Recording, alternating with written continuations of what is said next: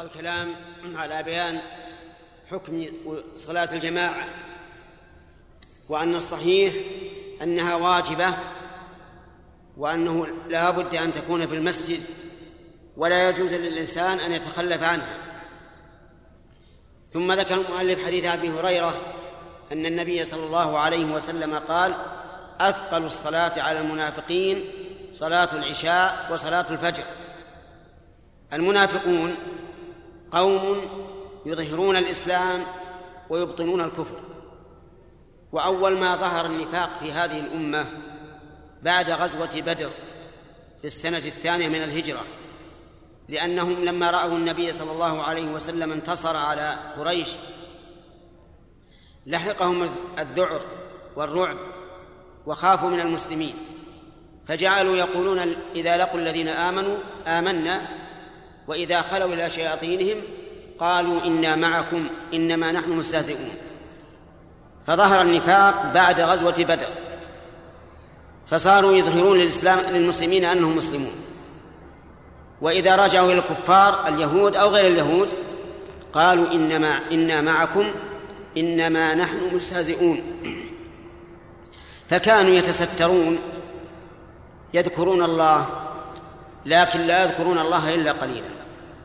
يأتون إلى الصلاة لكن لا يأتون إليها إلا رياء وسمعة يراؤون الناس ولا يذكرون الله إلا قليلا. يأتون إلى النبي صلى الله عليه وسلم فيقولون له نشهد إنك لرسول الله. ولكن الله كذبهم فقال والله يعلم إنك لرسوله والله يشهد إن المنافقين لكاذبون. ولما كانوا لا يأتون إلا رياء وسمعة صاروا يستثقلون الصلوات لأنهم لا يأتونها عن رغبة والعياذ بالله بل عن خوف من الناس ومراءاة لهم. وإذا كانوا إنما يأتون من أجل مراءاة الناس ثقلت عليهم صلاة العشاء وصلاة الفجر لأنه في عهد النبي صلى الله عليه وسلم ليس هناك أنوار مضيئة تجعلهم يشاهدون حتى يراؤوا في صلاتهم. وأيضا صلاة العشاء تأتي في ابتداء النوم وصلاة الفجر في انتهاء النوم فهم يفضلون الراحة على الصلاة. فلذلك صار أثقل الصلوات عليهم أي على المنافقين صلاة العشاء وصلاة الفجر. أولا لأنهم لا يشاهدون في هذا إن وجدوا أو فقدوا والثاني أنها أنهما تأتيان في وقت النوم. فلوجود الداعي وعدم الدافع صارت ثقيلة عليهم وإنما قال النبي صلى الله عليه وعلى آله وسلم هذا لا ليخبر أن الصلوات ثقيلة على المنافقين ولكن من أجل أن يحث الأمة على الإتيان إلى الصلوات وحضور المساجد وأن تكون الصلاة عليهم خفيفة بل ينبغي أن يكون قلب الإنسان معلقا بها.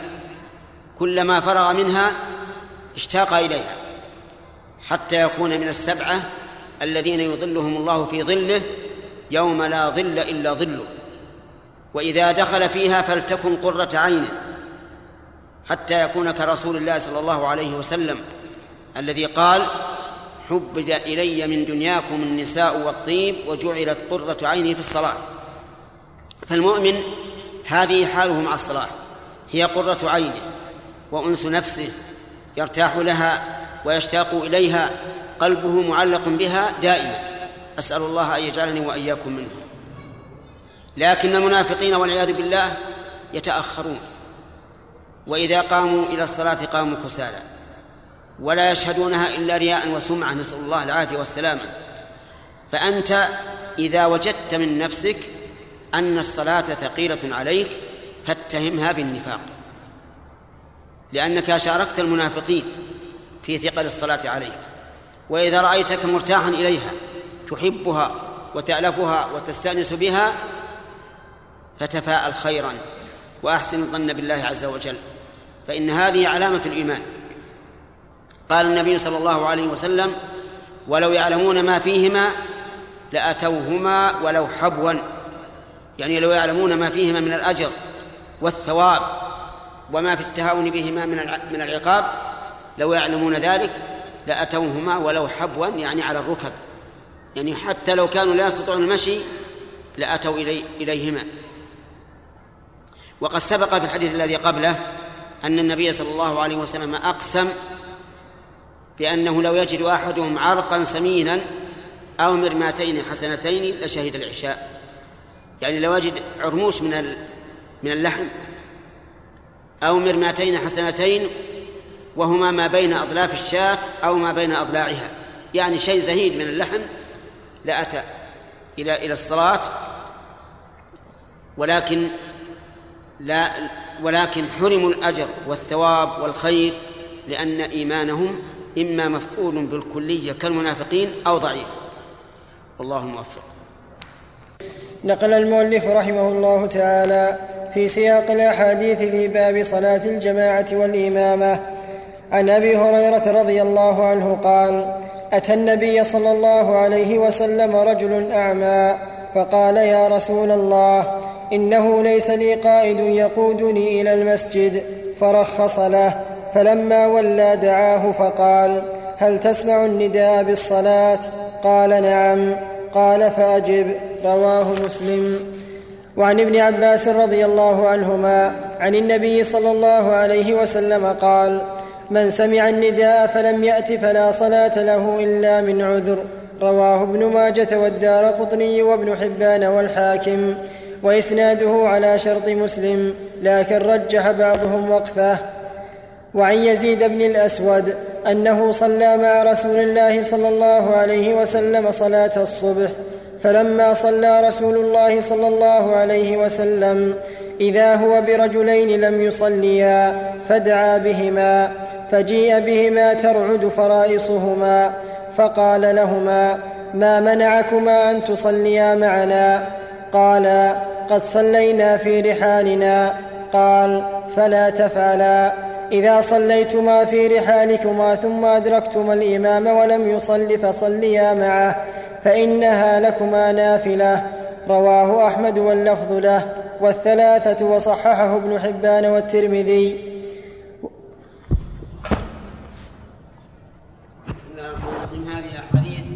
ساقها الحافظ ابن حجر في بلوغ المرام في باب صلاة الجماعة وكلها تدل على وجوب صلاة الجماعة في المسجد.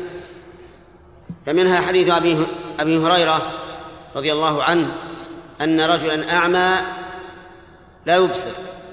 أتى النبي صلى الله عليه وسلم يستأذنه في ترك الصلاة فقال إنه رجل أعمى وليس له قائد يقوده إلى المسجد. فرخص له النبي صلى الله عليه وسلم. فلما ولى دعاه وقال هل تسمع النداء؟ قال نعم. قال فأجب. فدل ذلك على أن صلاة الجماعة في المسجد لا تسقط حتى عن الأعمى. بل يجب عليه أن يدبر من يقوده إلى المسجد حتى يحضر إلى المسجد. هذا إذا كان يسمع النداء. أما إذا كان بعيدا بحيث لا يسمع النداء فإن الصلاة لا تجب عليه في المسجد وله أن يصلي في بيته. لكن المراد بسماع ذلك إذا كان هناك صوت عادي بدون مكبر صوت. وأما مع مكبر الصوت فمعلوم أن مكبر الصوت ينقل الصوت إلى مكان بعيد. لكن يقال قدر لو كان المؤذن يؤذن بصوته الخاص. وليس هناك عمائر طويلة تحجب الصوت. إن كنت تسمعه في على هذا التقدير وجب عليك أن تحضر إلى المسجد وإلا فلا. ومن المعلوم أنه في عهد النبي عليه الصلاة والسلام ليست البيوت رفيعة تحجب الصوت وليس هناك مكبرات صوت تبعد الصوت. فيقدر أنه لو كان المؤذن يؤذن بالصوت المعتاد وليس هناك عماير طويلة تحجب الصوت فمن كان يسمعه وجب عليه الحضور. ومن لا فلا. لكن مع ذلك الأفضل أن يحضر. إذا إذا سقط عنه الوجوب بقيت السنية فالأفضل أن يحضر لأنه تكتب خطاه إلى المسجد ويشارك المسلمين في مسجدهم ويحصل له بذلك فضل الجماعة أفضل من أفضل من صلاة الفجر ب 27 درجة. كذلك أيضا حديث ابن عباس رضي الله عنهما أن من سمع النداء فلم يجب فلا صلاة له. وبهذا الحديث استدل شيخ الإسلام ابن تيمية رحمه الله على أن من على أن صلاة الجماعة في المسجد شرط لصحة الصلاة وأن من أمكنه أن يحضر إلى المسجد ولم يفعل وصلى وحده فصلاته باطلة لأن النبي صلى الله عليه وسلم قال لا صلاة له إلا من عذر. إذا كان معذورا كالمريض ومن يمرض المريض ومن يخاف على تلف ماله أو يخاف على أولاده في البيت ليس عندهم من يؤنسهم أو ما أشبه ذلك فهذا معذور. أما بلا عذر فإن الجماعة لا تسقط عنه. يجب أن يحضر إلى المسجد إذا سمع النداء. أما حديث يزيد بن يزيد بن الأسود فهو أن النبي صلى الله عليه وسلم صلى ذات يوم صلاة الصبح صلاة الصبح وذلك في منى. فرأى رجلين لم يصليا فدعا بهما أمر بإحضارهما فأحضرا إلى النبي صلى الله عليه وعلى آله وسلم. ترعد فرائصهما أعلى صدورهما خوفا ومهابة من النبي صلى الله عليه وسلم. وكان عليه الصلاة والسلام قد أعطي المهابة. فقال ما منعكما أن تصليا معنا؟ قال يا رسول الله صلينا في رحالنا. يعني أدوا الصلاة صلوا في رحالهما إما لأنهما لا يعلمان بوجوب صلاة الجماعة وإما أنهما ظنا أنها أن الناس قد صلوا وإما لعذر من الأعذار. المهم أنهما صليا في مكانهما فقال لا تفعلا. إذا صليتما في رحالكما ثم أدركتما الإمام لم يصلي فصليا معهم فإنها لكما نافلة. ففي هذا الحديث دليل على فوائد منها هيبة النبي صلى الله عليه وسلم وأن له مهابة عظيمة في القلوب مع حسن خلقه وحسن وحسن معاملته للناس وبشاشته صلوات الله وسلامه عليه ومع ذلك له هيبة, هيبة عظيمة. ومنها الإنكار على من جلس في المسجد والناس يصلون. حتى وإن كان قد صلى ينكر عليه لأن هذا شذوذ عن جماعة المسلمين.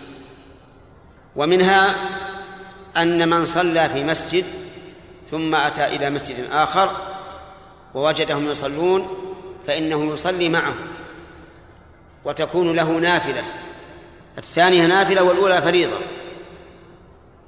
ومنها أن الإنسان إذا أتى على المسجد ووجد الناس يصلون صلى معهم ولو في وقت النهي لأن هذه القصة كانت بعد صلاة الفجر.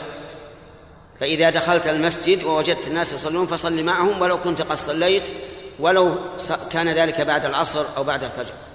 فإذا كان الإنسان حضر إلى المسجد ليصلي على جنازة في صلاة العصر وقد صلى في مسجده فإنه يدخل معهم ويصلي معهم. ومنها أن جميع ذوات الأسباب من النوافل تجوز في وقت النهي قياسا على جواز النافلة في إعادة الصلاة. لأن العلة واحدة. ومنها أن هؤلاء الذين دخلوا مع الإمام وكانت الصلاة لهم نافلة إذا أدركوا مع الإمام ركعتين وسلموا معه فلا حرج. الأفضل أن يقضوا ما فاتهم لكن إذا سلموا مع الإمام وقد صلوا ركعتين فلا بأس. لأنها نافلة والنافلة يجوز الاقتصار فيها على ركعتين لا سيما إذا كانوا حضروا من أجل الجنازة ويخشون إن أتموا الصلاة.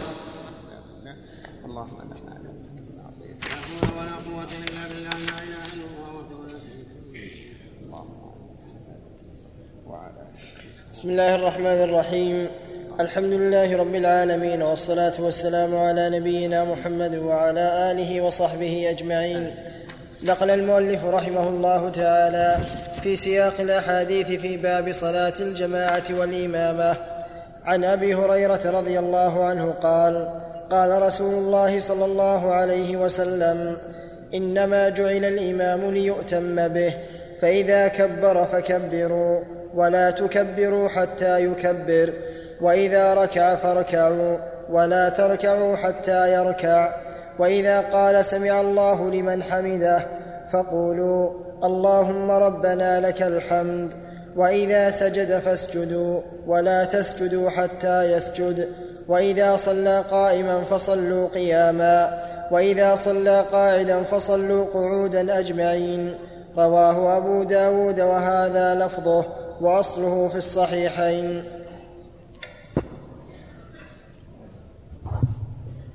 بسم الله الرحمن الرحيم. ساق المؤلف الحافظ ابن حجر رحمه الله في كتابه بلوغ المرام حديث أبي هريرة رضي الله عنه أن النبي صلى الله عليه وعلى آله وسلم قال إنما جعل الإمام ليؤتم به. جعل يعني شرع يعني أن الله تعالى شرع الإمامة من أجل أن يأتم الناس بامامه حتى لا يخالفون. والجعل هنا جعلا شرعيا. وهو أحد القسمين والقسم الثاني الجعل الكوني. مثل قوله تعالى وجعلنا الليل لباسا وجعلنا النهار معاشا. أي صيرناه. وهذا جعل قدري كوني. أما إنما جعل الإمام ليؤتم به فإنه جعل شرعي. ومثله أي الجعل الشرعي قول الله تعالى ما جعل الله من بحيرة ولا سائبة ولا وصيلة ولا حام. يعني ما جعلها شرعا.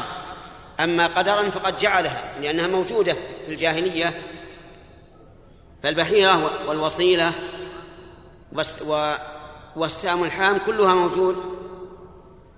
ما جعلها من وصيلة من بحيرة ولا وصيل نعم. ولا حام فهذه مجعولة مجعولة قدرا لكنها غير مجعولة شرعا. وقولها الإمام يعني إمام الصلاة ليتم به ليقتدى به. فإذا كبر فكبروا يعني تكبيرة الإحرام.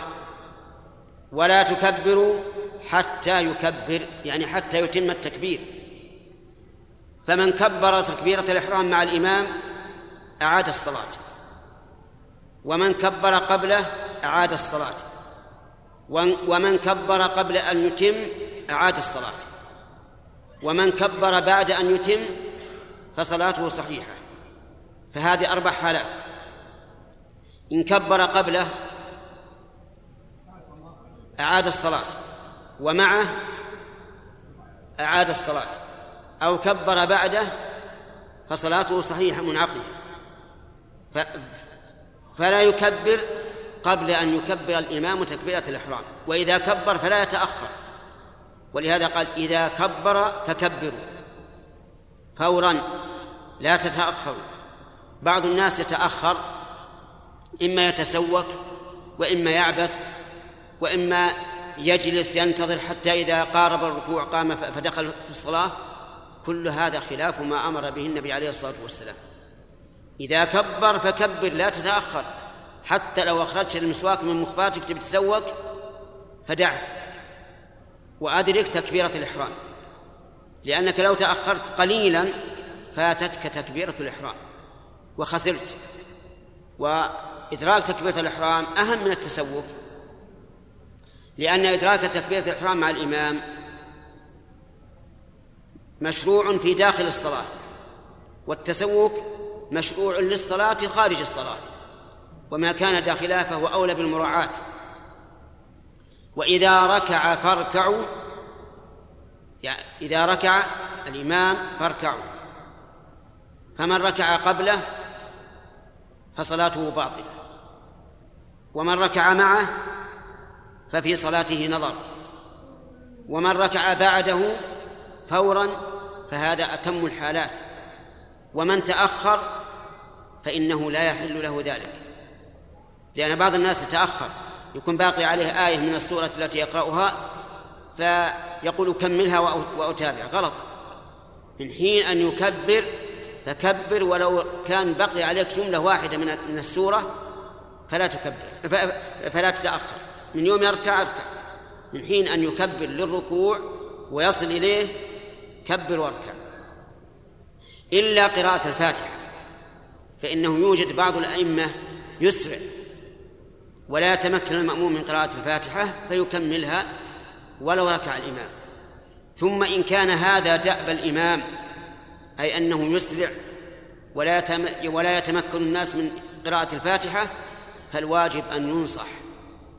فإن اهتدى وصار يتأخر ليمكن الناس من قراءة الفاتحة فهو إمامهم وإلا وجب عزله. لأنه لا يصلي لنفسه حتى يقول متى خلصت الفاتحة ركعت. يصلي لنفسه ولغيره. فيقال له تأن في الصلاة حتى يدركها الناس. فإن اهتدى فهذا المطلوب وقد أدى الأمانة. وإن لم يهتدي وصار يسرع ولا يتمكن الناس من قراءة الفاتحة وجب عزله. وأنت أيضا إذا عرفت أن هذا من شأنه وطبعه فلك أن تنفرد. تترك متابعته. لأن الطمأنينة في الصلاة واجبة وقراءة الفاتحة واجبة وكونك لا تدرك ذلك مع الإمام اترك كمل وحدك بطمأنينة ثم اطلب في الصلاة الأخرى مسجدا آخر ودع الصلاة معه.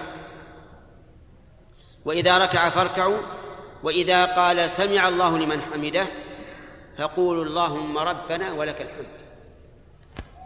لم يقل قولوا سمع الله لمن حمده. مع أنه قال إذا كبر فكبروا. لكن إذا قال سمع الله لمن حمده لا تقل سمع الله لمن حمده. إن قلت ذلك فقد عصيت رسول الله صلى الله عليه وسلم. ولكن قل اللهم ربنا ولك الحمد.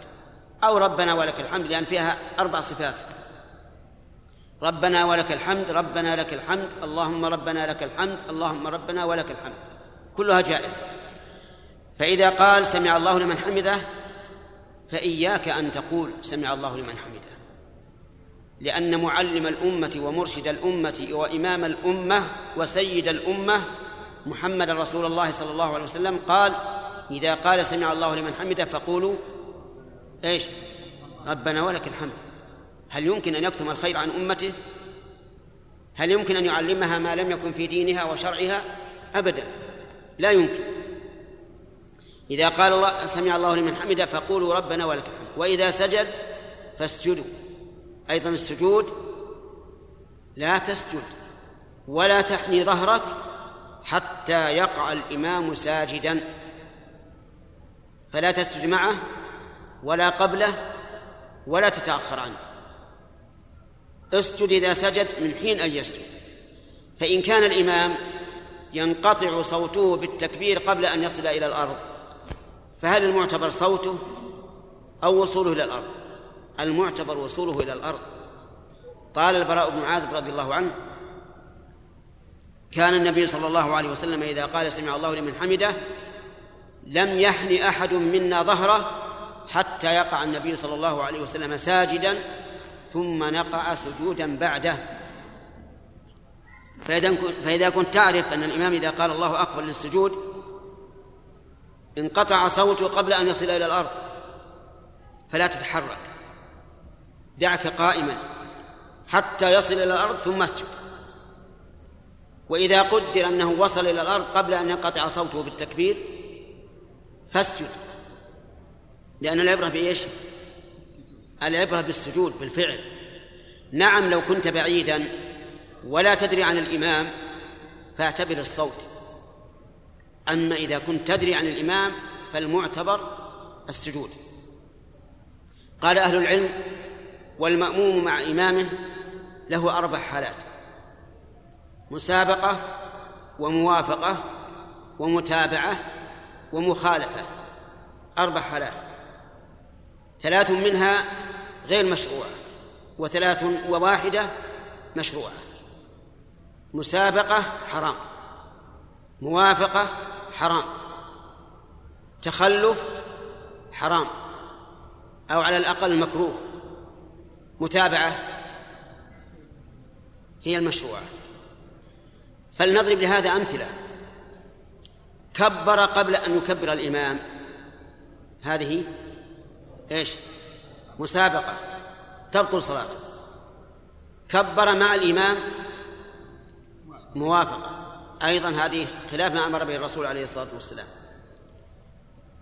كبر بعد الإمام بفترة. هذا تخلف غير مشروع أيضا. كبر بعد الإمام مباشرة. هذه متابعة وهذه الحال المشروعة متابعة الإمام. وفي هذا الحديث دليل على أن المأموم مأمور بمتابعة الإمام في أفعال الصلاة. أما الأقوال فلا. ولهذا لك أن تسبق الإمام في قراءة الفاتحة في الصلاة السرية مثلا. لو كنت تعرف أن الإمام يتأنى في في قراءته وأنت تسرع وأكملت الفاتحة قبله في الصلاة السرية كالظهر مثلا فلا بأس. المتابعة في الأفعال. وكذلك أيضا لو اختلفت النية مثل أن يكون الإمام يصلي الظهر وأنت تصلي العصر أو الإمام يصلي العصر وأنت تصلي الظهر فهذا أيضا لا بأس به. لأنك ما ما خالفت الإمام. ولو كان يصلي المغرب وأنت تصلي العشاء فلا بأس. فإذا سلم من المغرب وقد بقي عليك ركعة فقم وأت بها. وإذا كان يصلي العشاء وأنت تصلي المغرب فهنا قد يشكل على الإنسان. إذا كان هو يصلي المغرب وأنت تصلي يصلي العشاء وأنت تصلي المغرب لا بأس ادخل معه. وهذا يقع كثيرا. تكون مثل أتيت وأنت جامع بين المغرب والعشاء وتأتي إلى البلد وتجد الناس يصلون صلاة العشاء وأنت لم تصلي صلاة المغرب. ماذا تفعل؟ ادخل مع الإمام. ثم إن أدركته في أول ركعة وقام هو إلى الرابعة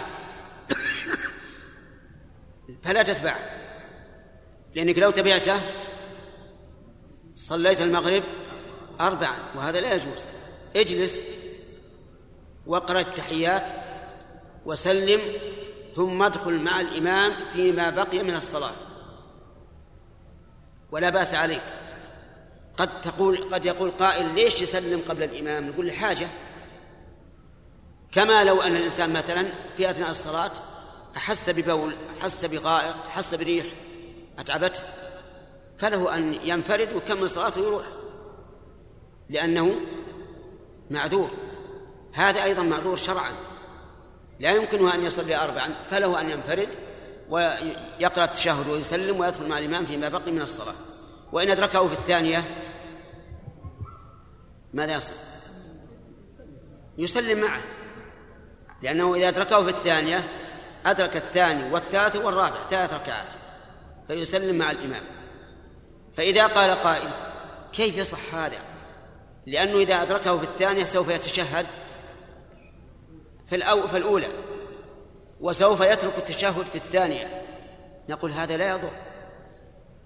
كما لو أن الإنسان أدرك الظهر مع الإمام في الركعة الثانية. ماذا يكون؟ سيتشهد في الركعة الأولى وسيترك التشهد في الركعة الثانية متابعة للإمام. المسألة ما في أشكال. طيب. لو أن الإنسان أتى إلى الإمام وهو يصلي التراويح في رمضان وهو لم يصلي العشاء هل يدخل مع الإمام؟ نعم يدخل مع الإمام. ولو كان الإمام يصلي التراويح ويصلي الفريضة ما في مانع. اختلاف النية لا يضر.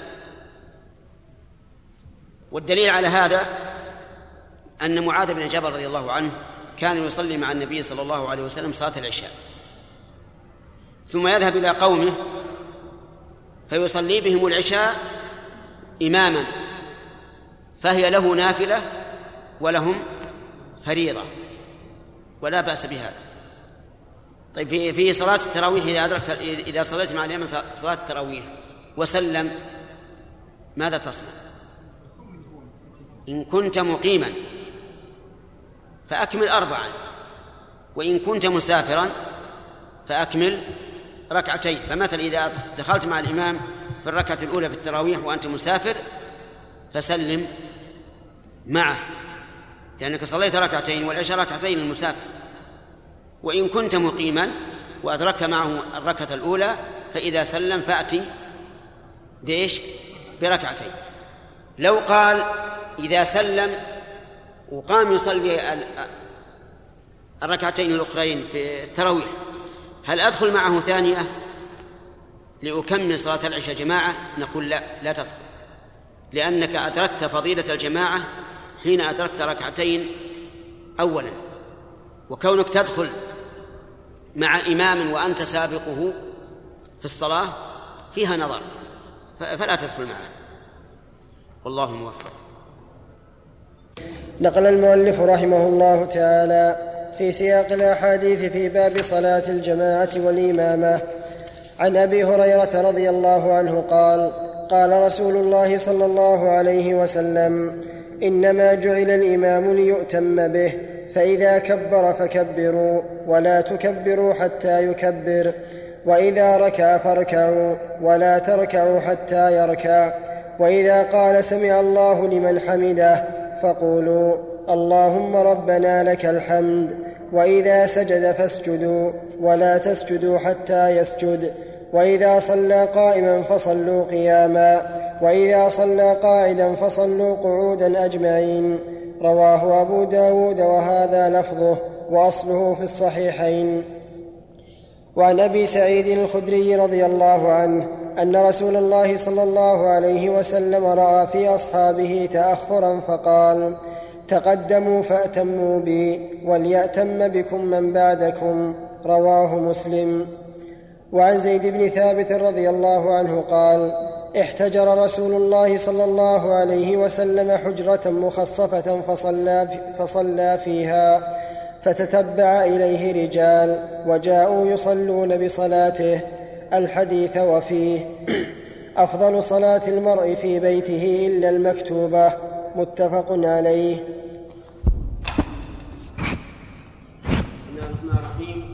سبق الكلام على حديث أبي هريرة رضي الله عنه في قول النبي صلى الله عليه وعلى آله وسلم إنما جعل الإمام ليؤتم به. وذكرنا أن المأموم بالنسبة للإمام له أربع حالات مسابقة وموافقة ومتابعة وتخلف. وأن ثلاث حالات منها منهي عنها. وواحدة هي المشروعة والمشروعة هي المتابعة. أن الإنسان لا يتقدم على إمامه ولا يوافقه ولا يتأخر عنه بل ينتقل إلى الركن الذي انتقل إليه الإمام من حين أن أن ينتقل إليه الإمام. قال في الحديث وإذا صلى قائما فصلوا قياما. يعني إذا صلى الإمام قائما فإنه يجب أن تتابعوه وتصلوا قياما. ويستثنى من ذلك العاجز عن القيام فإنه لا يلزمه أن يقوم إذا صلى خلف إمام صلى قائما لأنه معذور. ولا يقال مثلا لماذا لا نقول له لا تصلي ما دمت لا تتاب ما دمت لا يمكنك متابعة الإمام في القيام فلا تصلي مع الجماعة بل نقول صل مع الجماعة. واتق الله ما استطعت. وإذا صلى قاعدا فصلوا قعودا. يعني مثلا لو أن إمامنا لا يستطيع القيام فإن وصلى قاعدا فإننا نصلي قعودا ولو كنا قادرين على القيام.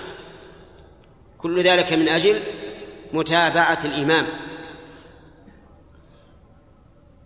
واشترط بعض العلماء رحمهم الله أنه, أنه لا بد أن يكون الإمام الذي صلى قاعدا إمام الحي يعني إمام المسجد الراتب.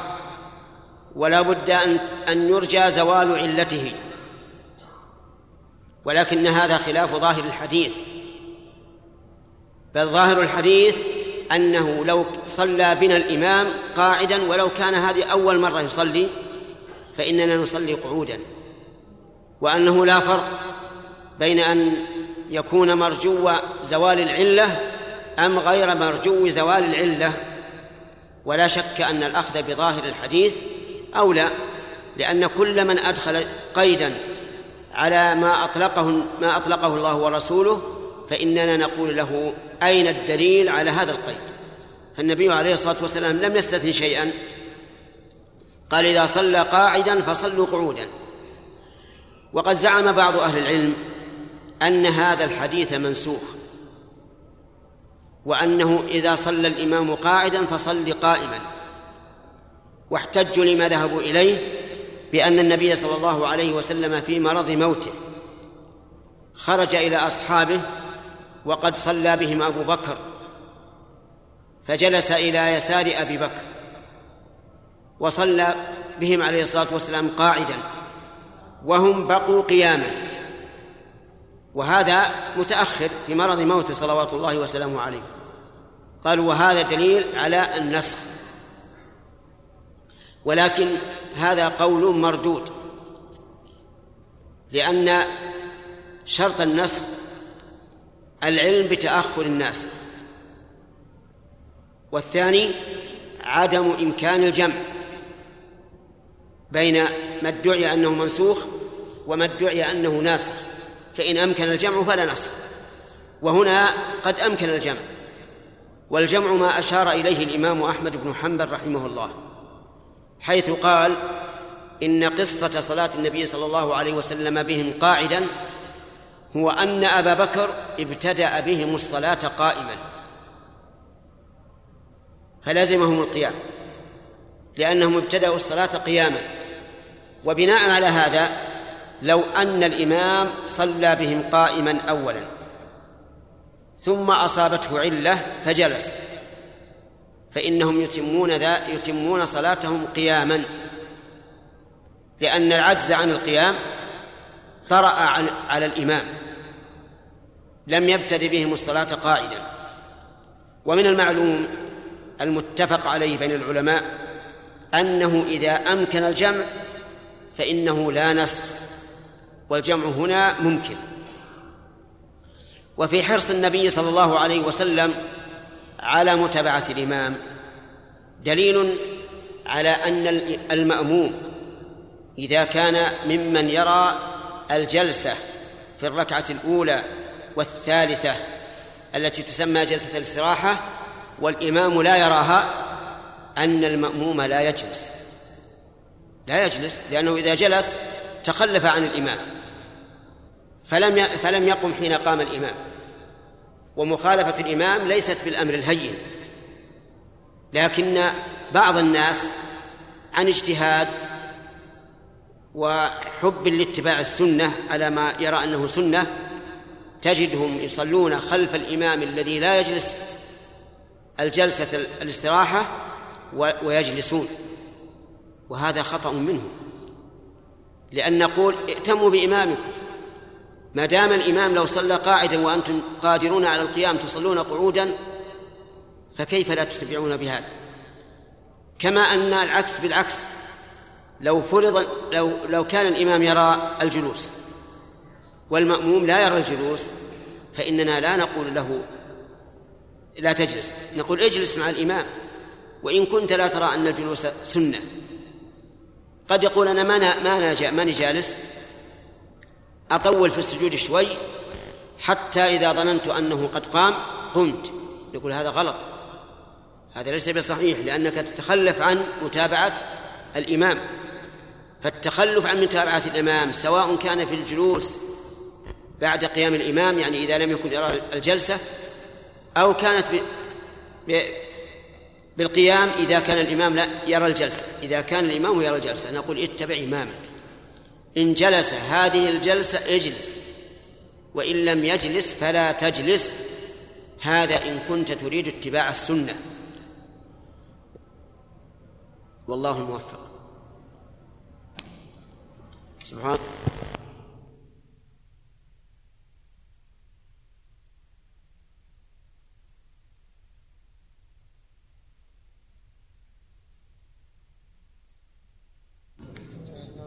اللهم لا.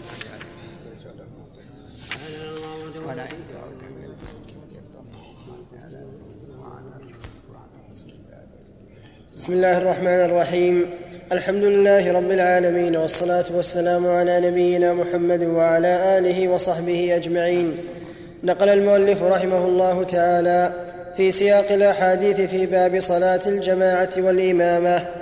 عن أبي سعيد الخدري رضي الله عنه أن رسول الله صلى الله عليه وسلم رأى في أصحابه تأخرا فقال تقدموا فأتموا بي وليأتم بكم من بعدكم رواه مسلم. وعن زيد بن ثابت رضي الله عنه قال احتجر رسول الله صلى الله عليه وسلم حجرة مخصفة فصلى فيها فتتبع إليه رجال وجاءوا يصلون بصلاته.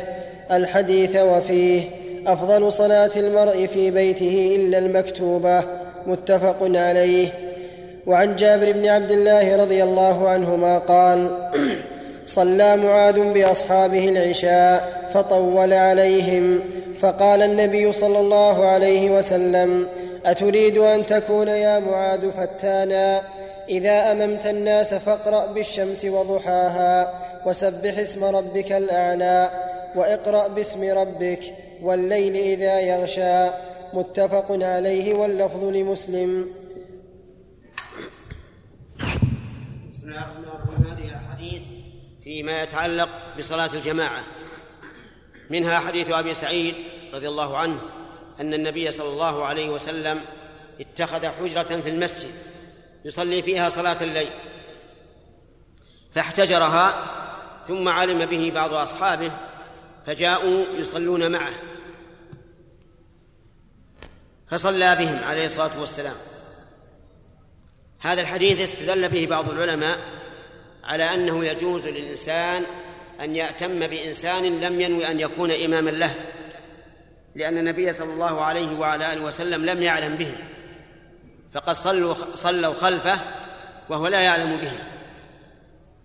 وإلى هذا ذهب بعض أهل العلم وقال لو كان رجل يصلي وحده ثم جاء قوم فصلوا وراءه وهو لا يشعر بهم وتابعوه فإن الجماعة تصح.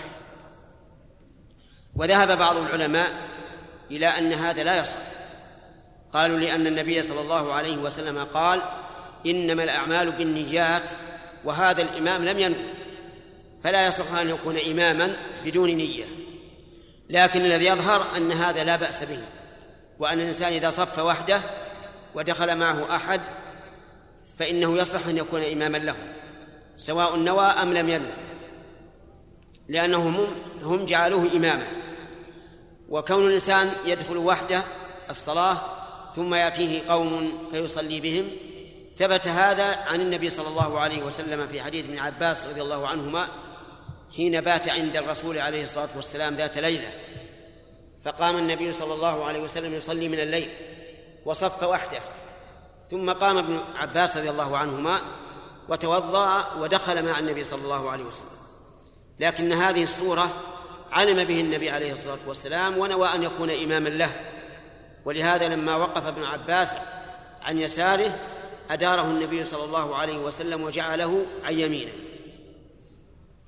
وأما حديث نعم ثم قال عليه الصلاة والسلام لأصحاب هؤلاء قال أفضل صلاة المرء في بيته إلا المكتوبة. فدل هذا على أن الأفضل أن يصلي الإنسان النوافل في بيته. إلا المكتوبة الفريضة فلا بد أن يحضر المسجد. وأما جميع النوافل كصلاة الليل والوتر ركعتي الضحى وراتبة الصلاة أيضا فالأفضل أن يصليها في بيته. قال النبي صلى الله عليه وسلم هذا وهو في المدينة. ومعلوم أن الصلاة في مسجده صلى الله عليه وسلم خير من ألف صلاة فيما سواه إلا المسجد الحرام. فجعل النبي عليه الصلاة والسلام صلاة الإنسان في بيته حتى في المدينة صلاة النافلة أفضل من أن يصلي في المسجد النبوي خلافا لما يفهمه بعض الناس الذين يريدون أن يكون الأجر والثواب على حسب أهوائهم. يقول نذهب نصلي في المسجد النبوي أو في المسجد الحرام ولا نصلي في بيوتنا نريد الأفضل فيقال لهم أأنتم أعلم أم رسول الله؟ رسول الله صلى الله عليه وسلم يقول صلي في بيتك أفضل لك من أن تأتي تصلي في المسجد النبوي وأفضل من أن تأتي تصلي في المسجد الحرام. إلا إلا المكتوبة. المكتوبة لا بد أن تكون في المسجد. أما النافلة فصلاته في البيت أفضل. أما الحديث الآخر فهو أن النبي صلى الله عليه وسلم رأى في أصحابه تأخرا. فقال تقدموا فأتموا بي وليأتم بكم من بعدكم. وهذا يفعله بعض الناس اليوم وقبل اليوم. تجد يأتي مبكرا في المسجد الأول في, في الصف الأول مكان لكن يصف في الثاني. يأتي أيضا في الصف الثاني مكان ويصف في الثالث ويتأخر. وقد قال النبي عليه الصلاة والسلام لا يزال قوم يتأخرون حتى يؤخرهم الله والعياذ بالله. لأن هذا يدل على الكسل.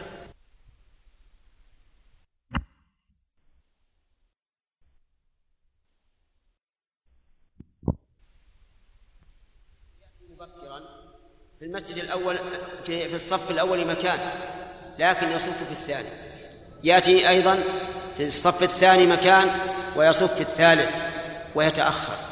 وقد قال النبي عليه الصلاة والسلام لا يزال قوم يتأخرون حتى يؤخرهم الله والعياذ بالله. لأن هذا يدل على الكسل وعدم الاهتمام. كونك تأتي تصف في, المسجد في الصف الثاني والمسجد والصف الأول ما تم أليس هذا يدل على الكسل؟ لو كنا نريد أن أن نشاهد محفلة من المحافل لكان واحد منا يحب أن يكون في الصف الأول لئلا يخفى عليه شيء من المحفل. والصفوف في الصلاة تجد بعض الناس لا يبالي. تجد الصف الأول نصف ما ما, ما في أحد ويقوم يصلي في الثاني حتى يأتي الإمام. ثم إن بعض الأئمة هداهم الله لا يعتنون بهذا. يعني لا يهمهم أن يكون أن تكون الصفوف التامة أو ما تمت. تجده أكثر ما عنده أن يلتفت يمين وشمال استووا اعتدلوا ولا ينظر للصف. وهذا خطأ وتفريط من الأئمة. الذي ينبغي لهم أن يفعلوا كما فعل النبي عليه الصلاة والسلام. يأمر بالتسوية وبالتراص وبإكمال الأول في الأول. ولقد كان الرسول هو بنفسه صلى الله عليه وسلم يمشي على الصف يمسح الصدور والمناكب ويقول استووا. فالذي ينبغي للإنسان إذا دخل المسجد أن يختار المكان الأول في الأول.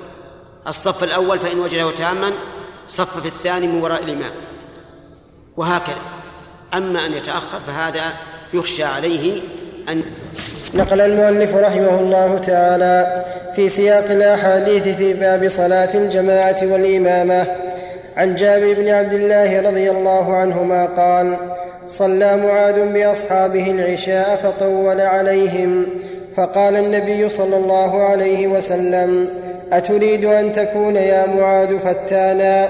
إذا أممت الناس فاقرأ بالشمس وضحاها وسبح اسم ربك الأعلى وإقرأ باسم ربك والليل إذا يغشى متفق عليه واللفظ لمسلم. وعن عائشة رضي الله عنها في قصة صلاة رسول الله صلى الله عليه وسلم بالناس وهو مريض قالت فجاء حتى جلس عن يسار أبي بكر فكان يصلي بالناس جالسا وأبو بكر قائما. يقتدي أبو بكر, يقتدي أبو بكر بصلاة النبي صلى الله عليه وسلم ويقتدي الناس بصلاة أبي بكر متفق عليه. بسم الله الرحمن الرحيم. هذه الأحاديث فيما يتعلق بالإمامة ذكر رحمه الله عن جابر رضي الله عنه في قصة معاذ بن جبل وكان معاذ يحرص على أن يصلي مع النبي صلى الله عليه وعلى آله وسلم. أولا لشرف الصلاة خلف رسول الله صلى الله عليه وسلم. فإن الظاهر والله أعلم أن الإمام إذا كان أتقى لله وأعلم بشريعة الله فإنه أولى أن يصلى خلفه من إمام جاهل. ولهذا قال النبي صلى الله عليه وعلى آله وسلم يؤم القوم أقرأهم لكتاب الله فإن كانوا في القراءة سواء فأعلمهم بالسنة. وثانيا ليتعلم من صلاة رسول الله صلى الله عليه وسلم لأن الناس يتعلمون من صلاة الرسول عليه الصلاة والسلام إما بالقول وإما بالفعل. ولهذا لما صنع المنبر للرسول عليه الصلاة والسلام وكان في الأول يخطب يوم الجمعة إلى جنب جذع جذع نخلة يخطب عليه عليه الصلاة والسلام. فصنع له منبر من الخشب درج من الخشب فصار يخطب عليه.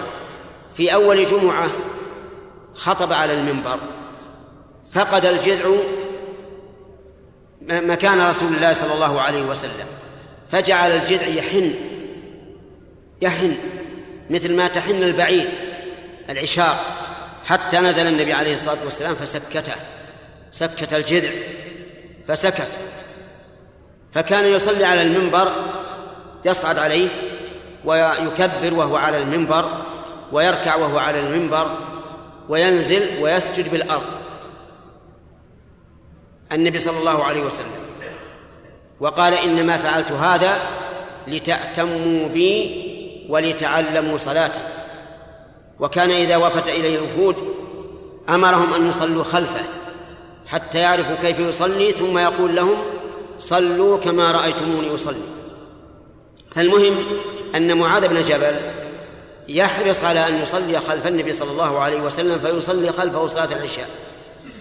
ثم يذهب إلى قومه وقوم أهل أهل بساتين وحيطان ينتظرونه لأنه أقرأهم رضي الله عنه. فيصلي بهم صلاة العشاء. في يوم من الأيام افتتح البقرة سورة البقرة وهم قوم يتعبون في النهار يحتاجون إلى النوم. فانصرف رجل من من القوم وصلى وحده. فقال معاذ أنت منافق ليش تخلف عن الصلاة؟ فذهب الرجل إلى النبي عليه الصلاة والسلام وأخبره فدعا معاذا. وقال له يا معاذ أتريد أن تكون فتانا؟ يعني أتريد أن تكون صادا للناس عن دين الله? ثم أمره أن يقرأ بالسور المتوسطة. اقرأ باسم ربك الذي خلق الشمس وضحاها الليل إذا يغشى ونحوه. فدل هذا على أنه ينبغي للإنسان أن إذا أما الناس أن يخفف وأن لا يزيد على المشروع وأن تكون قراءته في العشاء ونحوها بأوساط مفصل الليل إذا يغشى الشمس وضحاها سبح اسم ربك الأعلى اقرأ باسم ربك الذي خلق وما أشبهه أما في الفجر فيطول لأن النبي صلى الله عليه وسلم كان يطيل القراءة فيها. ولهذا سماها الله قرآنا. الله سمى صلاة الفجر قرآنا لأنها تطول فيه القراءة. فقال أقم الصلاة لدلوك الشمس إلى غسق الليل وقرآن الفجر. يعني وأقم قرآن الفجر أي صلاة الفجر. المغرب كان النبي صلى الله عليه وسلم يقصرها. فانقسمت الصلوات الخمس إلى ثلاثة أقسام. قسم تطول فيه القراءة وهو صلاة الفجر وقسم تقصر وهو صلاة المغرب وقسم وسط وهو الظهر والعصر والعشاء. هكذا جاءت السنة لكن لا بأس أن يطيل أحيانا في صلاة المغرب أو أن يقصر في صلاة الفجر لا سيما في السفر. وفي هذا الحديث دليل على الإنكار على الإمام. إذا خالف السنة بالتطويل والإشقاق على الناس. وفيه دليل على أنه يجوز للمأموم أن يتخلف عن صلاة الجماعة إذا كان الإمام يطيل الصلاة أكثر من المشروع لأن النبي صلى الله عليه وسلم لم ينكر على الرجل وإنما أنكر على معاذ ولهذا قال العلماء يعذر الإنسان عن صلاة الجماعة إذا كان الإمام يطيل الصلاة أكثر من المشروع. لكن إذا كان حوله مساجد يصلي في المساجد الأخرى ولا يعذر. لكن إذا لم يكن في المكان إلا مسجد واحد فيعذر. إنما يجب على الإمام أن يتقي الله عز وجل في المأمومين. وفي هذا الحديث من الفوائد أيضا أن كل إنسان يفعل ما ينفر الناس. عن العبادة فإنه فتان. فله نصيب من قوله تعالى في أصحاب الأخدود إن الذين فتنوا المؤمنين والمؤمنات ثم لم يتوبوا فلهم عذاب جهنم ولهم عذاب الحريق. ثم ذكر حديث عائشة رضي الله عنها في قصة صلاة النبي صلى الله عليه وسلم حين مرض صلوات الله وسلامه عليه. لما مرض النبي عليه الصلاة والسلام وثقل به المرض وصار لا يستطيع أن يصلي بالناس. دعا أبا بكر دعا أبا بكر رضي الله عنه وقال لنسائه يدعين يدعون أبا بكر. فذهبنا ودعونا عمر لأن أبا بكر رجل رقيق كثير البكاء وعمر أشد وأقوى. ولكن الرسول عليه الصلاة والسلام رده ووبخهن وبخ النساء وقال إن كن صواحبات يوسف يعني أن هذا كيد منكن وأمرهن أن يدعون أبا بكر. فجاء أبو بكر فاستخلفه النبي عليه الصلاة والسلام قال أنت إمام أنت الإمام عني. قال العلماء وفي استخلاف النبي صلى الله عليه وسلم أبا بكر أن يكون إماما للناس في أعظم شعائر الإسلام بعد الشهادتين دليل على أنه هو الخليفة بعده والحمد لله أنه صار هو الخليفة بعده بإجماع الصحابة رضي الله عنهم. صار أبو بكر يصلي في الناس يصلي بالناس إماما. في يوم من الأيام وجد النبي صلى الله عليه وسلم وجد في نفسه خفة يعني خف عليه المرض فخرج إلى الناس وهم يصلون حتى كادوا يقطعون صلاتهم لما رأوا الرسول صلى الله عليه وسلم فرحا به ثم جلس آه، إلى يسار أبي بكر. وكان صوته ضعيفا عليه الصلاة والسلام. فجعل يصلي يكبر وأبو بكر يسمع تكبيره وأبو بكر يكبر للناس. فأبو بكر يقتدي بالرسول صلى الله عليه وسلم والناس يقتدون بمن؟ في أبي بكر رضي الله عنه. ثم أتموا الصلاة. أتموها قياما والرسول صلى الله عليه وسلم يصلي بهم جالسا. وقد سبق أن النبي صلى الله عليه وسلم قال إذا صلى قاعدا فصلوا قعودا. وهنا صلوا قياما والرسول صلى الله عليه وسلم يصلي قاعدا.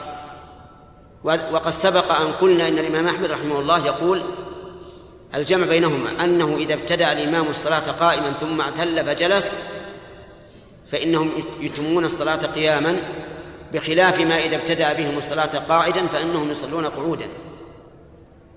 في هذا الحديث فوائد عظيمة منها فضل أبي بكر رضي الله عنه. أنه الإمام الثاني بعد رسول الله صلى الله عليه وسلم في هذه الأمة. وفيها أيضا دليل على أن الإنسان يجوز أن ينتقل من إمامة إلى إلى ائتمام لأن أبا بكر كان إماما ثم صار إيش؟ مأموما. وفيها أيضا دليل على أنه يجوز أن يبتدئ الصلاة بهم إمام ويكمل بهم الإمام إمام آخر. فينتقل الناس من إمام إلى إلى إمام. فالناس انتقلوا من إمامة الرسول صلى الله عليه وسلم إلى إمامة أبي بكر.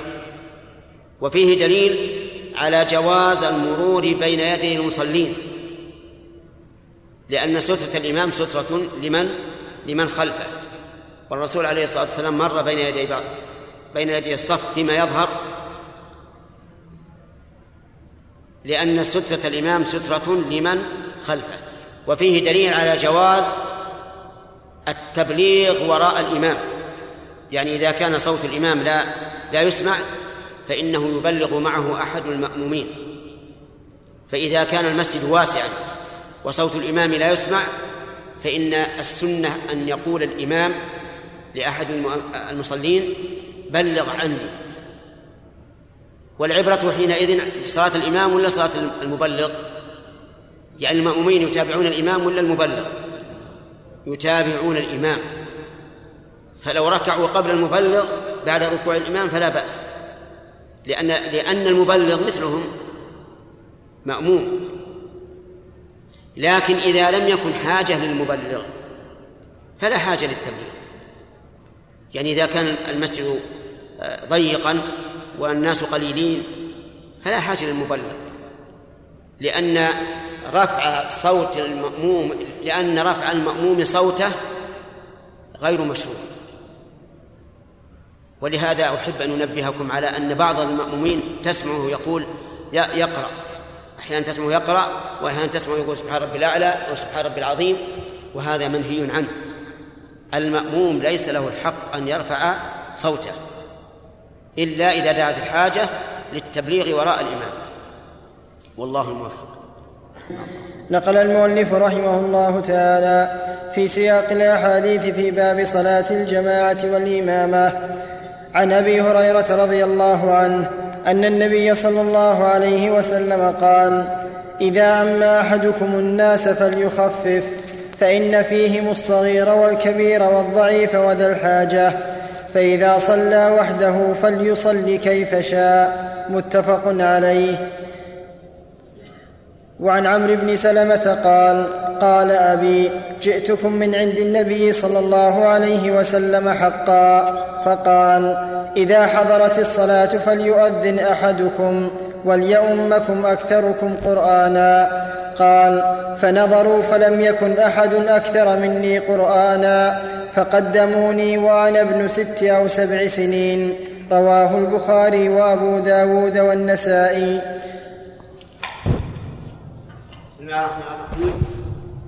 هذان حديثان فيما يتعلق بالإمامة. أولهما عن أبي هريرة رضي الله عنه أن النبي صلى الله عليه وسلم قال إذا أما أحدكم الناس فليخفف فإن من ورائه الصغير والكبير وذا الحاجة. إذا أما أحدكم الناس أي صار إماما لهم فليخفف يعني لا يطيل بهم. والمراد بذلك أن تكون صلاته كصلاة النبي صلى الله عليه وعلى آله وسلم. لقوله عليه الصلاة والسلام صلوا كما رأيتموني أصلي. وإنما أمر بالتخفيف في مقابلة أئمة كانوا يطيلون على الناس. منهم معاذ بن جبل رضي الله عنه كما سبق أنه أم قومه فقرأ فيهم أو ابتدأ فيهم القراءة بسورة البقرة. فغضب النبي صلى الله عليه وسلم وقال له أتريد أن تكون يا معاذ فتانا؟ ومنها أن رجلا جاء إلى النبي صلى الله عليه وعلى آله وسلم فقال يا رسول الله إني لأتخلف عن صلاة الفجر من أجل فلان مما يطيل بنا. فقال الرسول عليه الصلاة والسلام إذا أما أحدكم الناس فليخفف وأما الذي يصلي كصلاة النبي صلى الله عليه وعلى آله وسلم فهذا قد خفف ولم يثقل. قال أنس بن مالك رضي الله عنه ما صليت وراء إمام قط أخف ولا أتم صلاة من النبي صلى الله عليه وسلم. ولا حجة للبطالين النقارين الذين يخففون صلاتهم جدا لا حجة لا حجة لهم في هذا الحديث وهو قوله إذا أما أحد أحدكم الناس فليخفف. لأن المراد بذلك التخفيف الذي يوافق السنة والدليل على أن هذا المراد قوله صلوا كما رأيتموني أصلي. فلا يمكن أن يقول أن يقول صلى الله عليه وسلم صلوا كما رأيتموني أصلي ثم يأمر الناس أن يخففوا أقل من صلاته. هذا لا يمكن لأنه تناقض. وعلى هذا فيكون المعنى أن لا يطيل إطالة أكثر مما كان النبي صلى الله عليه وسلم يصلي.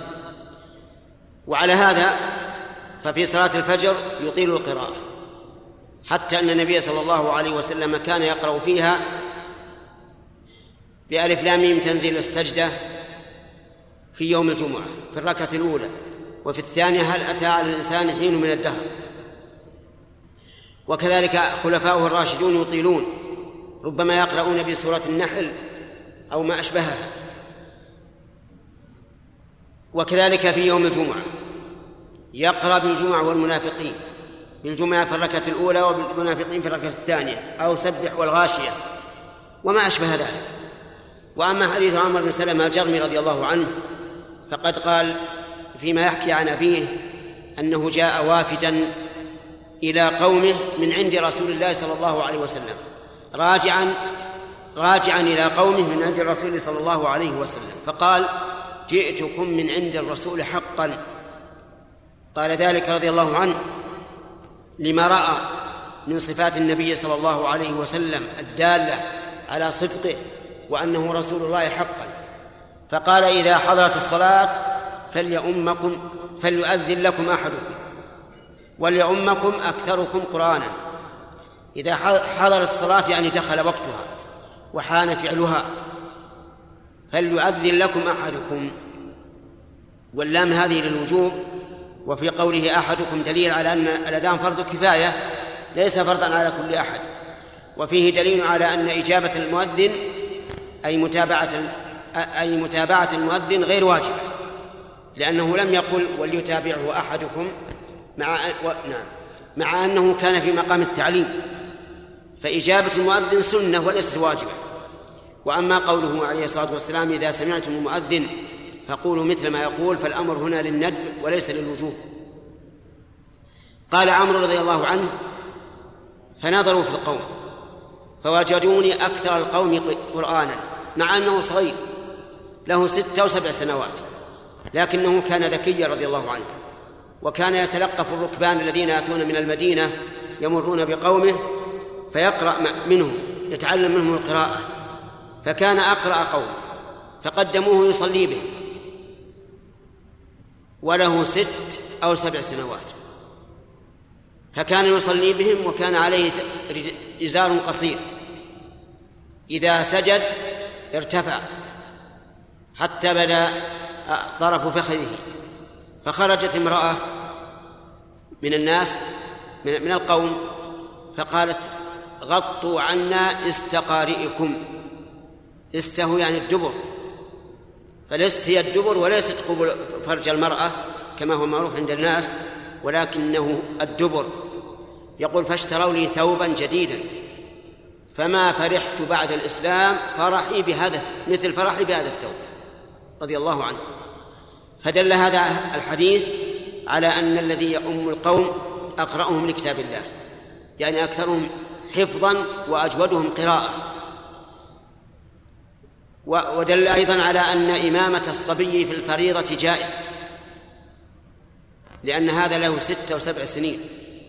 وأما من قال من العلماء رحمهم الله إن الصبي لا يكون إماما في الفريضة ولا مصافا في الفريضة فإنه قول ضعيف. والصواب أن الصبي يصح أن يكون إماما للبالغين وأن الصبي يصح أن يقف مع البالغ في الصف وحده. لأن كل هذا مما جاءت به السنة عن النبي صلى الله عليه وسلم. وفي هذا الحديث دليل على فضيلة القرآن وأن حامله هو هو إمام الناس.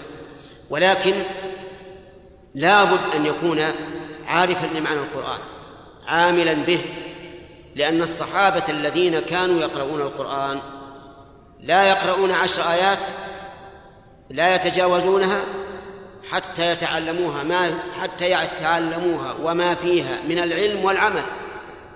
فتعلموا رضي الله عنهم القرآن والعلم والعمل جميعا. وأما رجل قارئ لكنه غير عامل بالقرآن. كرجل قارئ لكنه يضيع الصلاة يتهاون بها لا يزكي عاقا لوالديه مسبلا لثوبه حالقا للحيته فهذا لا يقدم في الإمامة. لكن إذا كان مستقيما بظاهره وباطنه على الله عز وجل فإنه يقدم الأقرأ. هذا ما لم يكن للمسجد إمام راتب فإن كان للمسجد إمام راتب فهو إمامه ولو كان أقل منهم قراءة. لأن النبي صلى الله عليه وسلم قال لا يؤمن الرجل الرجل في سلطانه. وإمام المسجد سلطان في مسجده. والله موفق. نقل المؤلف رحمه الله تعالى في سياق الأحاديث في باب صلاة الجماعة والإمامة. عن ابن مسعود رضي الله عنه قال قال رسول الله صلى الله عليه وسلم يؤم القوم أقرأهم لكتاب الله تعالى فإن كانوا في القراءة سواء فأعلمهم بالسنة فإن كانوا في السنة سواء فأقدمهم هجرة.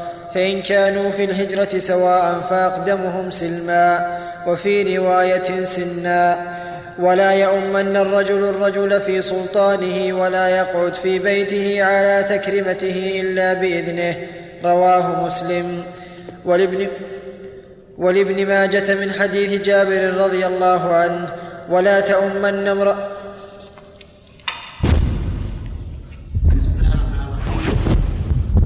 قال رحمه الله تعالى فيما نقله في كتابه بلوغ المرام في باب صلاة الجماعة والإمامة عن ابن مسعود رضي الله عنه أن النبي صلى الله عليه وعلى آله وسلم قال يؤم القوم أقرأهم لكتاب الله. يؤم بمعنى يكون إماما وهذا خبر بمعنى الأمر يعني ليؤم القوم.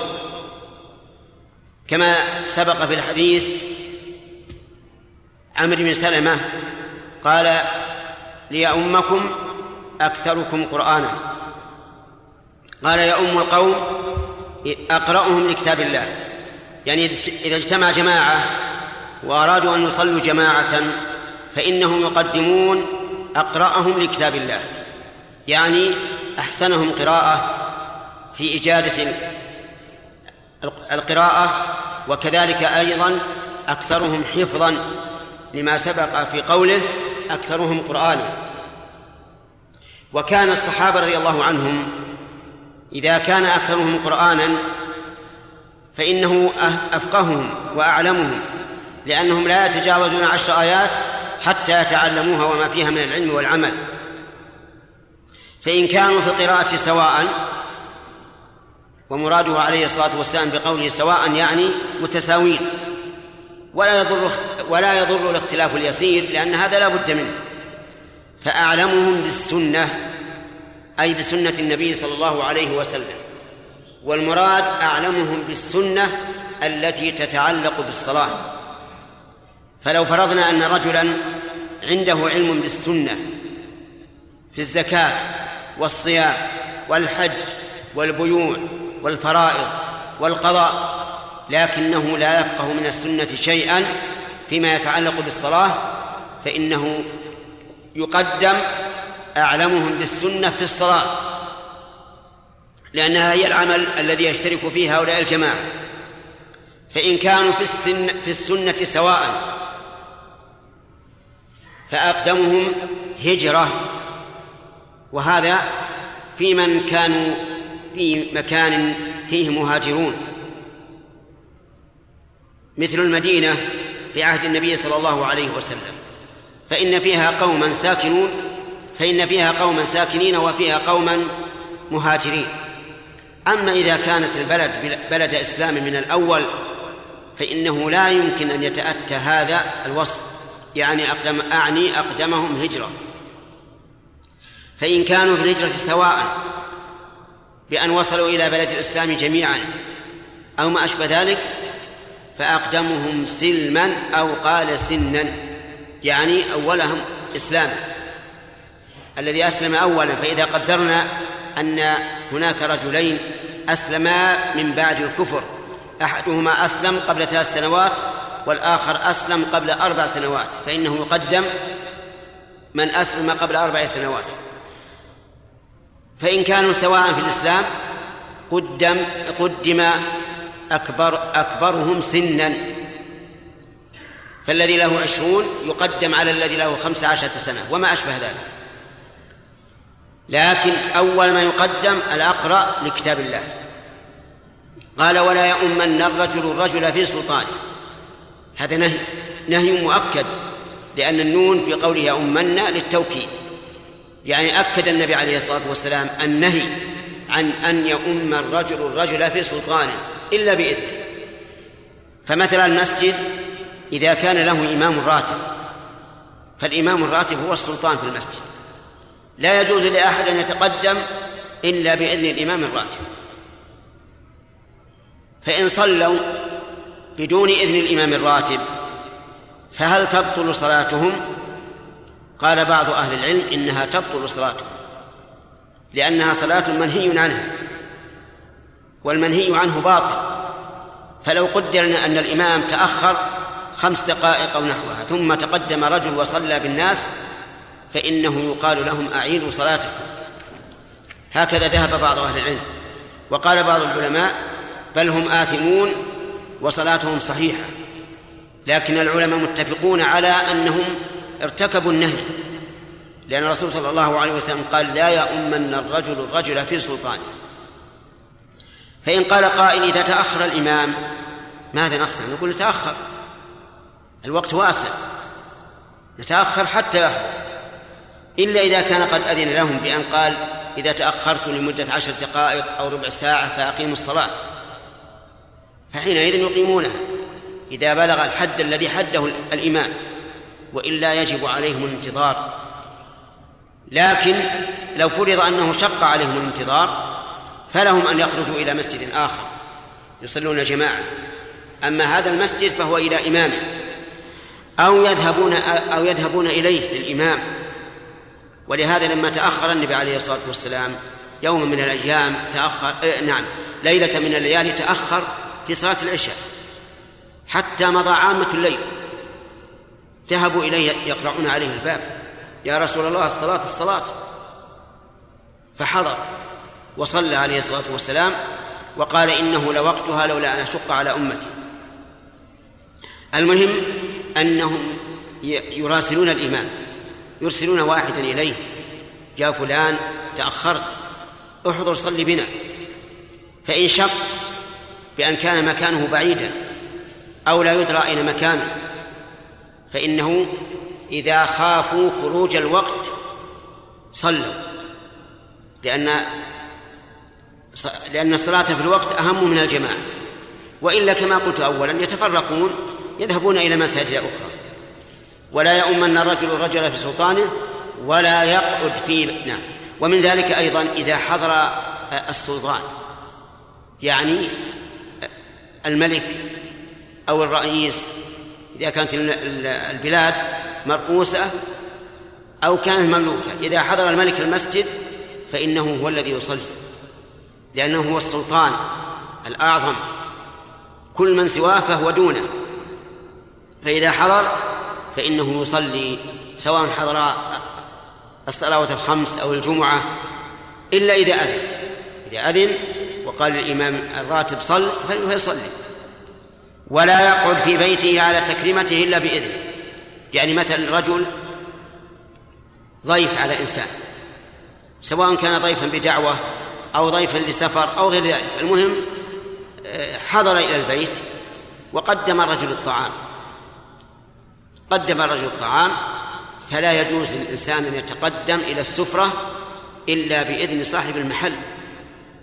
يقول ولا يقعد في بيته على تكريمته إلا بإذنه. الطعام لصاحب البيت إلى الآن لم يأذن لك في أكله ربما يكون عنده أشياء يريد أن يحضرها فانتظر حتى يقول تفضل. لكن إذا علمنا أن العادة جرت بأن الرجل إذا قدم الطعام وعرف أن هذا هو طعام الضيف فإنه يعني الإذن فإننا نعتبر هذا. يعني الإذن إذا كان من العادة أنه إذا قدم للضيف الطعام وعرف أنه لا يزيد على ذلك وأن تقديمه إذن فلا بأس. يتقدم وإن لم يقل له تفضل. يتقدم وإن لم يقل له تفضل. لأن تقديمه يعني الإذن في أكله. أما إذا لم تجد العادة فانتظر حتى يقول لك تفضل ثم كل. لقوله ولا يقعد في بيته على تكريمته إلا بإذنه. والله الموفق أي نعم.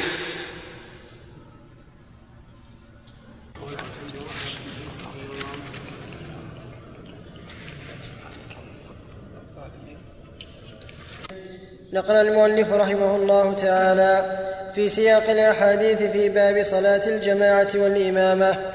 عن أنس رضي الله عنه أن النبي صلى الله عليه وسلم قال رصوا صفوفكم وقاربوا بينها وحاذوا بالأعناق رواه أبو داود والنسائي وصححه ابن حبان. وعن أبي هريرة رضي الله عنه قال قال رسول الله صلى الله عليه وسلم خير صفوف الرجال أولها وشرها آخرها وخير صفوف النساء آخرها وشرها أولها. رواه مسلم. بسم الله الرحمن الرحيم. هذان الحديثان مما يتعلق بصلاة الجماعة وذلك في الصفوف. فإن المشروع في صلاة الجماعة أن يكونوا صفوفا فإن كان فإن لم يكن مع الإمام إلا واحد قام عن يمينه. وإن كان معه اثنان فأكثر صاروا خلفه. هذه هي السنة. و ولكن ينبغي أن يقاربوا بين الصفوف وأن وأن يرصوها وأن يحاذوا بالأعناق كما دل عليه حديث أنس بن مالك رضي الله عنه. رصوا صفوفكم يعني تراصوا. لا تدعوا فرجة بين بينكم. وقد أخبر النبي صلى الله عليه وعلى آله وسلم أن الفرج تدخل من بينها الشياطين فتحول بين الإنسان وبين صلاته. لكن المراصة نوعان. مراصة يكون بها سد الخلل بأن لا يبقى بين بين الرجل وصاحبه فرجة. هذه مشروع ومراصة الشديدة تتعب المصلين فهذه مؤذية. وليست هي التي أمر بها النبي صلى الله عليه وعلى آله وسلم لأن إيذاء الناس ولا سيما في الصلاة أمر غير مرغوب فيه بل منهي عنه. فهذه المراصة أما قوله قاربوا بينها فالمعنى أن يقرب الصف الثاني من الصف الأول. والصف الثالث من الصف الثاني. ونحن ولله الحمد في وقتنا الحاضر. قد فرش المس... فرشت المساجد ووضعت الخطوط للصفوف وهي متقاربة. لكن إذا لم يكن هناك خطوط فإن من الناس من لا يبالي. يأتي ويصف في أي مكان ولو كان بعيدا من الصف. وهذا خلاف السنة خلاف ما أمر به النبي صلى الله عليه وعلى آله وسلم. وإذا كان المشروع في الصفوف أن تكون متقاربة فكذلك المشروع بين الإمام والمأمومين أن لا يبعد الإمام عن الصف الأول بل يكون قريبا منه بحيث يبقى بينه وبين الصف مقدار محل السجود أو يزيد قليلا. هذا هو الأفضل وذلك كله من أجل تحقيق الوحدة بين المسلمين. والتقارب بينهم وعدم وعدم الفرقة. وأما قوله حاذوا بالأعناق فالمعنى هو التسوية يعني أن يسوي الناس الصفوف. وهنا ثلاث أشياء الأعناق والأكتاف والأقدام. أما الأقدام فالمحاذاة فيها بمحاذاة الأكعب. يعني بحيث يكون كعب الإنسان على حذاء كعب أخيه. وأما المناكب وهي الأكتاف فكذلك. هذا إذا أمكن أما إذا لم يمكن مثل أن يكون في الصف رجل أحدب فالعبرة هنا بكعب القدم. لأن المحاذاة بين بين المناكب في مثل هذا مستحيلة. لو أراد أن يحاذي بمنكبيه من كان حوله لازم أن يتأخر في قدميه والعبرة بالقدمين كذلك الأعناق يحاذي بينه وهذه في الغالب أنه إذا حاذى بين المناكب حاذى بين الأعناق. ثم إن هذه المسؤولية مسؤولية المقاربة والمحاذاة على الإمام هو الذي عليه أن يراعي هذا. إذا رأى متقدما قال تأخر. إذا رأى متباعدا قال أدنو. وما أشبه ذلك. حتى كان نبينا صلوات الله وسلامه عليه يمر بالصفوف يمسح الصدور والمناكب ويقول استووا ولا تدعوا فروج الشيطان. وكان الصحابة الخلفاء الراشدون لما كثر الناس وتوسع المسجد صاروا يوكلون رجالا. يوكلون رجالا يجوبون الصفوف فإذا رأوها قد استوت أخبروا الإمام فكبر. وهذا يدل على عناية النبي صلى الله عليه وعلى آله وسلم وعناية خلفائه الراشدين في الصفوف وأن المسؤول هو الإمام. وأما حديث أبي هريرة أن النبي صلى الله عليه وسلم قال خير صفوف الرجال أولها وشرها آخرها وخير صفوف النساء آخرها وشرها أولها. ففيه دليل على أن الرجال ينبغي لهم أن يتقدموا إلى الصف الأول فالأول حتى أن النبي صلى الله عليه وسلم قال فيما صح عنه في البخاري وغيره قال لو يعلم الناس ما في النداء يعني الأذان والصف الأول يعني من الأجر ثم لم يجدوا إلا أن يستهموا عليه أي أي يعملوا القرعة لاستهموا. وهذا يدل على فضيلة الصف الأول. والأيمن من كل صف أفضل من الأيسر. وهذا عند التساوي. يعني إذا كان بعدهم من الإمام متساويا أو متقاربا فاليمين أفضل. وأما إذا بعد اليمين وقرب اليسار فاليسار أفضل من أجل دنوه من الإمام. وأما النساء فإن خير صفوفهن آخرهن وشر صفوفهن أولهن. وجه ذلك أن الأول يكون قريبا من الرجال. وكلما قربت المرأة من الرجل قربت أسباب الفتنة. فلهذا كان خير النساء خير صفوف النساء آخرها. وفي هذا دليل على أن النساء يشرع لهن الصفوف كالرجال. وعليه فإذا كانت النساء في مكان خاص كما يوجد الآن في كثير من المساجد فإن خير صفوفهن أولها أول الصفوف لبعدهن عن الرجال. وكذلك أيضا يجب عليهن أن يكملن الأول فالأول كالرجال. وكذلك لو صلت امرأة منهن خلف الصف أي صف النساء بطلت صلاتها كما تبطل صلاة الرجل. لأن النبي صلى الله عليه وعلى آله وسلم أثبت للنساء صفوفا وإذا ثبتت الصفوف فإنها تكون كصفوف الرجال تماما. إذ لا فرق. أما المرأة وحدها مع الرجال مع الرجال فتصف وحدها. حتى لو كان الرجل من محارمها فإنها لا تصف معه. فلو صلى الإنسان بزوجته وصار إماما لها فإنها تقف خلفه ولا تقف إلى جنبه. وإذا صلى بأمه أو أخته أو عمته أو خالته فكذلك. والله الموفق.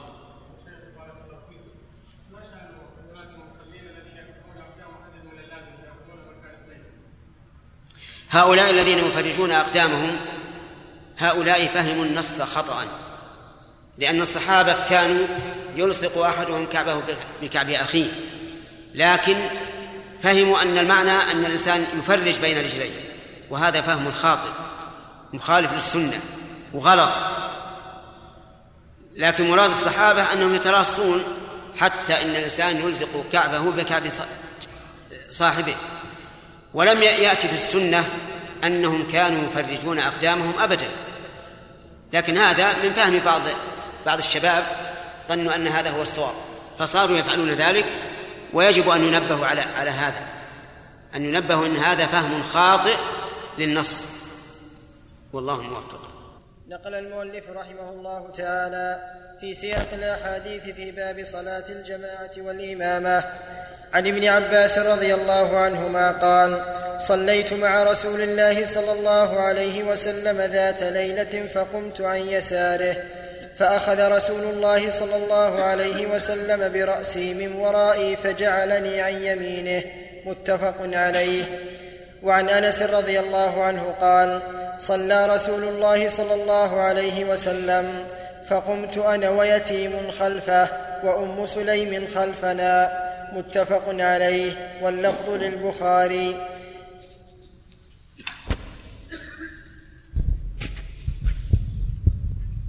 هذان الحديثان ساقهما ابن حجر رحمه الله في كتابه بلوغ المرام في باب صلاة الجماعة والإمامة. فيهما بيان شيء من أحكام الصلاة. أولا حديث عبد الله بن عباس رضي الله عنهما أنه صلى مع النبي صلى الله عليه وعلى آله وسلم ذات ليلة. وكان ابن عباس رضي الله عنهما ذكيا عاقلا حريصا على العلم. فبات ذات, ذات ليلة عند النبي صلى الله عليه وسلم وهو عند ميمونة بنت الحارث وهي خالة عبد الله بن عباس. فلما كان من الليل قام النبي صلى الله عليه وعلى آله وسلم وتوضأ وقام يصلي. ولكنه فعل ذلك بهدوء لئلا يستيقظ الغلام. ولكن الغلام عبد الله بن عباس عبد الله بن عباس رضي الله عنهما كان حريصا على معرفة هدي النبي صلى الله عليه وعلى آله وسلم. فقام رضي الله عنه وتوضأ ثم قام إلى جنب النبي صلى الله عليه وسلم عن يساره. ولعل يساره هو الأقرب إلى ابن عباس رضي الله عنه. فقام عن يساره فأخذ النبي صلى الله عليه وسلم برأسه من ورائه فجعله عن يمينه. ففي هذا الحديث فوائد. منها جواز بيتوتة بيتوتة الرجل عند زوج أخته أو أمه أو خالته أو عمته.